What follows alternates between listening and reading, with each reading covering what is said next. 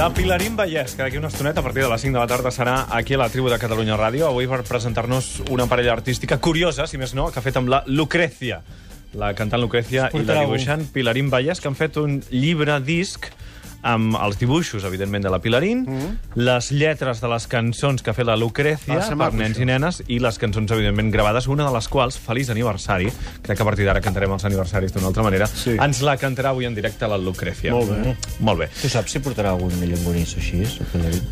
És que jo quan vaig saber que venia Pilarín no, no he dinat. No, normalment em porta de Sí, per llonganisses això, per aquelles llonganisses tan bones, dic, no vull... Però no vés a saber. Maiol Roger, bona tarda. Cuita Bona tarda. Bona Bona tarda. Eh, bé, quan has dit Pilarín Vallès pensava que m'estaves presentant i m'he quedat una mica sorprès. Dic, no, Ja t'agradaria. Ja Dibuixar t'agradaria. així, sobretot.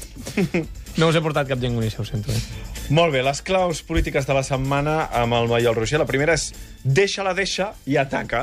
Exacte, perquè ahir vam tenir una nova sessió de la Comissió Pujol amb tres fills més. Uh, us explico ràpid una mica la, la, la Marta i el Pere Pujol, perquè una mica passa el mateix uh, en els dos casos. Eh? Ells, uh, en comptes de ser empresaris com l'Oleguer o el Jordi o el Josep, que el veurem la setmana que ve, o, o ser polítics com l'Oriol, ells han sigut professionals liberals que han fet carrera, en part gràcies a contractes de la Generalitat. El, la Marta és arquitecta i ha fet molts projectes encarregats pel govern català. De fet, ahir va, va explicar que n'havia fet 12 eh, sense concurs públic, ha dit, quan era legal fer-ho en, en el seu tipus de contracte, i, i durant molt temps la gran part de la seva facturació va ser pública, que és una cosa que, que, que ella eh, ahir va dissimular perquè va dir que només era el 20%, però durant els anys del pujolisme, si no m'equivoco, eh, els contractes públics de, dels que va gaudir Marta Pujol van ser el 60% de la facturació del, del seu gabinet. Per tant, sí que és arquitecte, sí que ha fet una feina, però en part eh, també el fet de ser filla del president, o si més no, els contractes que ha obtingut de la Generalitat l'han ajudat. El, que, el que subratllaven els diputats, per exemple, Oriol Amorós, és que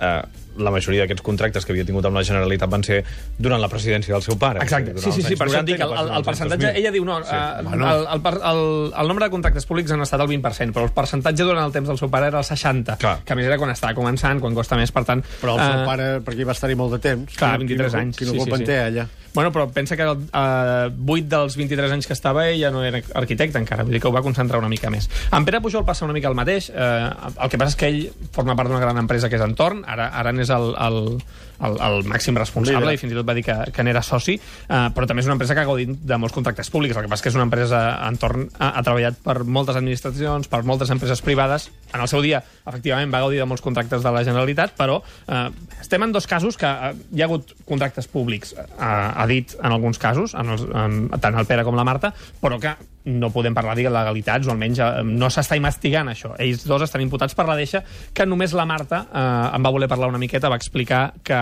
que els fills se l'havien repartit el- l'any 92. Això ja ho havia explicat amb el jutjat, és una mica el que vam explicar la setmana passada, que quan ja has vist la declaració judicial no et sona gaire nou perquè no diran res nou al Parlament. Però anem al, a Oriol Pujol, eh, si em permeteu la broma, qui te ha visto i qui te ITV? Eh, no, no, no, no, no, no és meva, eh? No, veure. bona. És copiada, és copiada, ho he de reconèixer que és copiada. Vaig veure jo a Twitter. És- és- Abans de que entris al tema... Però Digues, digues, digues. Tu diré abans d'acabar. Digues, digues, digues. Sí, que continuo. Sí, sí, sí, sí, Ell, ell sí que va deixar la deixa, eh, va dir els meus pares estan imputats. Tot això és perquè l'estratègia judicial, el màxim embolic que tenen tota la família en comú, és la deixa o l'herència, o com se li vulgui dir. Després cadascun ja es defensa dels seus casos particulars, que és el que va fer Oriol Pujol. Eh, bàsicament, de què s'acusa Oriol Pujol? De tràfic d'influències per haver eh, ajudat amics seus a canvi, presumptament, d'haver cobrat també ell comissions en, en cinc casos. Un és la instal·lació d'estacions d'ITV, que això va ser el primer cas que va esclatar, i l'altre és la deslocalització d'empreses, o ahir hi havia discussió de quina havia de ser el terme. Empreses que tanquen i hi ha un assessorament per part d'un extern a la Generalitat i a l'empresa que diu què es pot fer amb aquell espai als treballadors.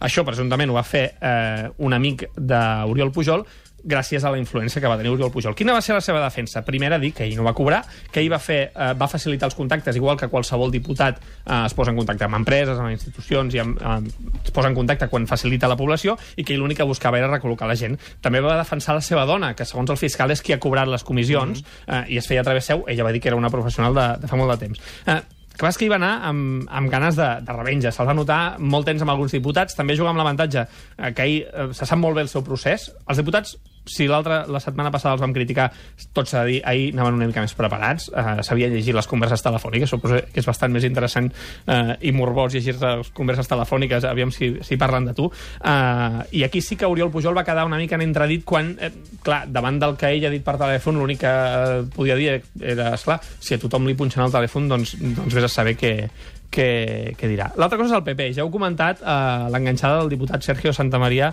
amb, amb David Fernández us heu deixat una cosa per això. Uh, escoltem un moment a Sergio Santamaría, però en comptes d'imaginar-vos uh, aquest diputat del PP, que, que per cert no té coll, és una daria, però un altre dia fixeu-vos que no té Que coll. dir que no té coll. No té coll, no té, No té coll, coll. és una persona sense coll. no Eh, de penseu, penseu, exacte, penseu en una altra persona. Escolteu-lo pensant en Jordi Évole. Senyor Santa Maria, sisplau, li torno a demanar. Torno a demanar. Torno a demanar, s'entén perfectament el que diu. David Falta que usted se erija en defensor del compareciente. No, no, ho estic fent en defensa de vostè, precisament, del que està dient vostè. Estic intentant aclarir quina és la seva pregunta i que concreti i que verb subjecte predicat. És el que estic intentant, concretar la pregunta, perquè Me si no... dejará no que yo eh, considere la forma más el oportuna follonero, de Évole. dirigir És Jordi Évole, exactament, és, és el Salvador de la dreta. Eh, Per cert, aquesta discussió, si em deixeu un incís, va ser molt estúpida perquè l'únic que li estava dient uh, Oriol Pujol i, i el senyor Santa Maria es, van discutir per una cosa bastant estúpida, perquè Sergio Santa Maria va dir la seva família, uh, tots han treballat a la Generalitat. I Oriol Pujol deia, no, no, tots no han treballat a la Generalitat. I David Fernández li estava intentant explicar la diferència entre treballar a la Generalitat, és a dir, ser un empleat públic, i treballar per la Generalitat, és a dir, fer contractes. Uh, ell què va fer? Atacar. Ho va fer com el seu germà una mica la setmana passada, anava a ser als diputats, el que passa que l'atac va ser tan constant i fins i tot un punt barroer que al final va ser una mica contraproduent. No només va recordar que Alicia Sánchez Camacho no vol compareixer a, a la comissió, no aquesta on té l'obligació com a diputada, sinó a la Comissió d'Afers Institucionals, on la seva presència és voluntària, l'han cridat cinc vegades i no hi ha anat mai, sinó que a més va barrejar-hi l'amant d'un dirigent del PP, eh, que és una història molt, molt divertida, que millor no expliquem. Eh, va explicar també que, que ell ha parlat amb una ex... amb, un, ex, amb una persona que va tenir una relació sentimental amb- Alicia Sánchez Camacho i que no ho anava esbombant. Va citar Francisco Nicolás, és a dir, va- fer com una barreja, va acabar parlant de Monedero, per barrejar una mica tot, per, per reprendre aquest, aquesta actitud i aquest to del PP. El PP actua com mica com un quinqui de dissabte a la nit, no? Diu, diu oye, què, què, mires tu? I, i respon amb, amb bufetades sense esperar la resposta. Del petit Ah, Nicolàs va dir que s'havia reunit amb ell per reconèixer això i que sabia coses Sí, exacte, que sabia sobre coses- la seva persona que només sabia ell mateix. Exacte. Aviam, jo, jo crec que si, si ho diu d'aquesta manera vol dir que Oriol Pujol li ha explicat a Francisco Nicolàs, perquè si només Sí, ho, ho podia ser ell mateix, sí. altra cosa és que ell digués, no, sap coses d'una reunió que vaig tenir amb una persona, parlem de la vicepresidenta del govern, que ell mateix la va citar com a una de les persones que, que, que, de la que Francisco Nicolàs se n'havia presentat. Uh, mm, clar, si ell diu no, sabia coses que jo vaig tenir una reunió amb aquesta vicepresidenta és una altra cosa, però si ho diu així tampoc deixa gaires coses clares. Per tant, no vam treure gaire cosa, només l'evidència que alguna cosa fa pudor a Can Pujol. Segona clau de la setmana. Paraules, no fets. Demà s'aproven els pressupostos de la Generalitat i recordeu que s'havien d'aprovar fa un mes però el Consell de Garanties Estatutàries estava revisant-los. El que va fer va ser eh, no vetar perquè no pot, sinó dir que les estructures d'estat no encaixaven a la Constitució. No són vinculants, però, és clar el govern de la Generalitat el que no pot fer és saltar-s'ho perquè, en el fons, és una institució seva o del Parlament, i ara que demanem les institucions seria lleig. Eh, escoltem el, el, el conseller Homs el que ha dit. allà on avui no tenim competències, és evident que no podem crear estructures d'estat avui en allà on no tenim competències. Però sí que podem fer propostes de futur, podem fer eh, informes, podem dissenyar doncs, estructures que es puguin acoplar a futur a unes futures competències. Futur. Tot, tot això és perfectament plausible. I tant. Què vol dir Futur, això? futur, futur, futur. futur, futur. Podem de dissenyar, la proposar, lletera, posaran paraules. Ells faran una cosa que diu, en comptes d'aprovar lleis, que són una cosa efectiva, faran una cosa que es diu plans directors, que és això, posar sobre un paper de farem, desenvoluparem, Farem. paraules i no fets. Oi que hi ha la gent faran un diu... pla i després aquest pla no es convertirà en una llei que es En pugui res. aprovar. No, Res. exacte, perquè ja ho ha dit el, el mateix conseller, mentre no tinguem competències... no Escolta, tenim això abans no es competències. feia, eh? La, la, la 649 es va començar ocupant una freqüència i amb els Mossos a la porta de TV3 perquè no interrompessin l'emissió. I així es feien les coses. Es deia fets consumats. També li podeu dir per collons, però es deia fets consumats. Això es feia abans. Ara ja hi ha aquesta correcció, digui-la com vulgui, o l'ordre, que som el partit d'ordre. 30 segons per parlar d'iniciativa. Uh, tercera clau de la setmana, Romeva i Julieta. Jo crec que podríem deixar aquí... perquè- Bravo! Bravo! Sí, sí, sí. sí, sí, sí. Perquè estem davant la, la història d'amor impossible en la família dels independentistes i dels ecosocialistes. Raül Romeu ho ha intentat, però al final ha vist que era incapaç de convèncer Iniciativa que, que la independència era el camí, que ell defensa, i, i, i Iniciativa, que aquest cap de setmana ha canviat, eh, no, no ha canviat, perdona, ha fet una proposta de ser un estat lliure i sobirà associat amb Espanya, eh, no accepta. Tenies un dubte. No, tinc una 30 segons. endevinalla que va proposar, no va proposar, però que jo la proposo i que és obra de, del senyor que tenim aquí davant, Ah, que sí? diu... O sigui, aquí parlant amb un home que fabrica les seves dones. Com es diu aquest home?